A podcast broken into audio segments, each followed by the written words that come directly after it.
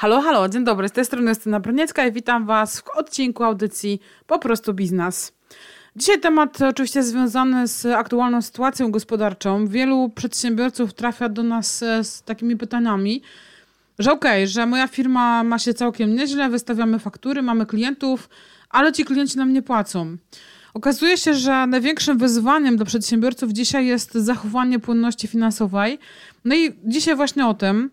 E, bardzo wielu przedsiębiorców zaczęło interesować się, co jest dla mnie przeogromnym zaskoczeniem, takimi dokumentami jak na przykład rachunek zysków i strat, czy podsumowanie KPIR w zależności od tego, e, jaką formę działalności prowadzą.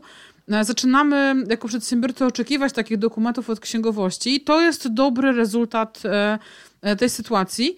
Natomiast no, prawda jest taka, że w obu tych dokumentach znajdziecie dane historyczne, e, czyli znajdziecie informacje o tym, jak e, wyglądała, e, jak wyglądała wasza firma miesiąc, dwa temu, czy też kwartał temu, czy w zeszłym roku, ale nie znajdziecie tam informacji o dostępie do pieniędzy, czyli o płynności finansowej.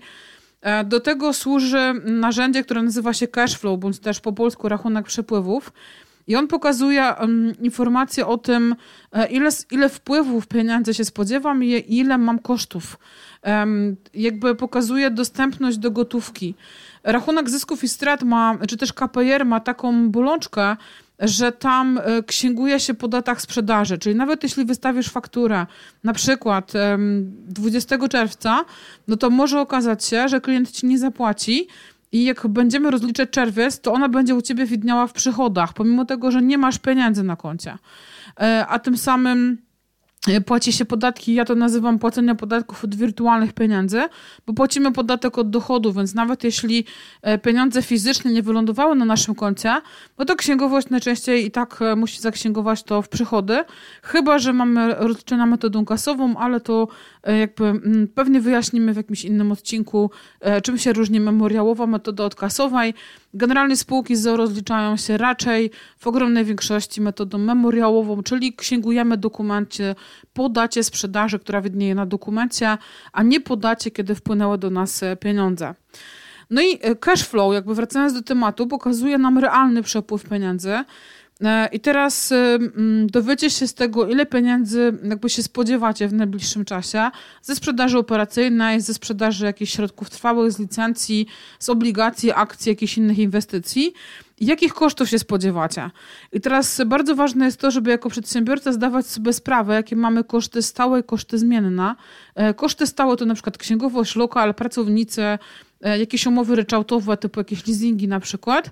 E, koszty zmienne są zależne od tego, co kupujemy, czyli na przykład kosztem zmiennym mogą być koszty półproduktów, które wykorzystujemy do produkcji naszych towarów. I w przypadku mm, kiedy zaczynamy tworzyć taki cash flow, kiedy sami bądź z księgowością e, staramy się zbudować informacje na temat tego, jakie są przepływy finansowe, to e, chciałabym zwrócić Waszą uwagę na kilka wskazówek. Przede wszystkim e, dzisiaj większość firm leasingowych i banków są skore do rozmowy.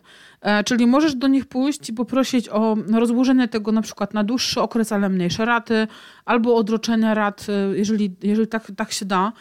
Dzisiaj bardzo dużo firm się na to godzi, dlatego że zdają sobie sprawę z tego, jaka jest sytuacja ogólna na rynku. No i w momencie, kiedy zdają sobie z tego sprawę, to jest im lepiej się z wami ugadać, niż przekazywać waszą sprawę do windykacji. E, w dzisiejszym momencie, czyli mamy już e, czerwiec, czyli tak naprawdę wszystkie, prawie wszystkie firmy wróciły do normalnego działania. E, do końca maja albo do połowy czerwca właściwie większość firm była na takim etapie przeczekania, czyli nie do końca wiedzieliśmy, co się wydarzy. Wielu ekonomistów mówi o tym, że najgorsze czasy dopiero przed nami. Ja też podzielam ten pogląd, dlatego że teraz dopiero firmy zaczną weryfikować swoje koszty, zaczną weryfikować wielkość zatrudnienia.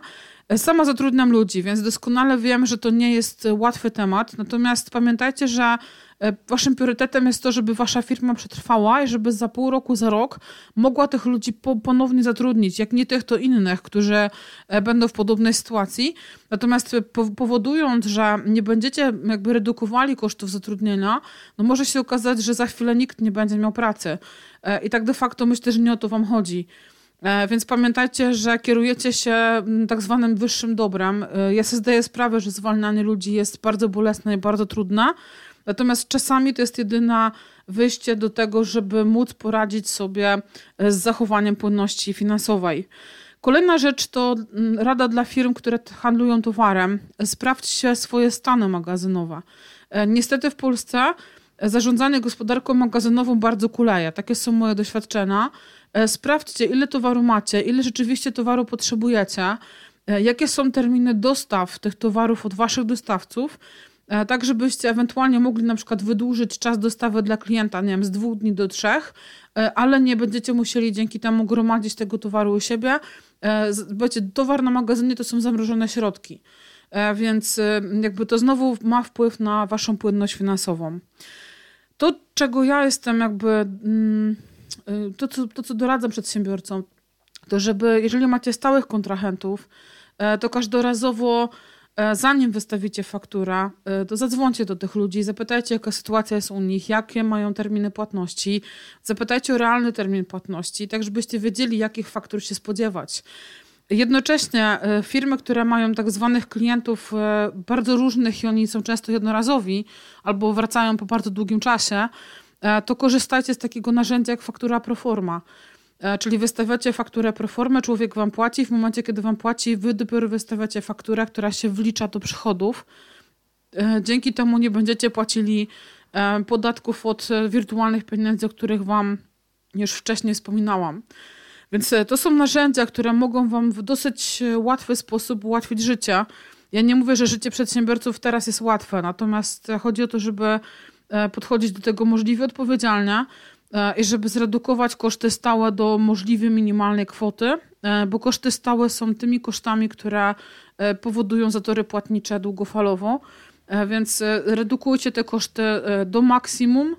Dzięki temu będziecie w stanie jakby zachować tą płynność finansową możliwie najdłużej.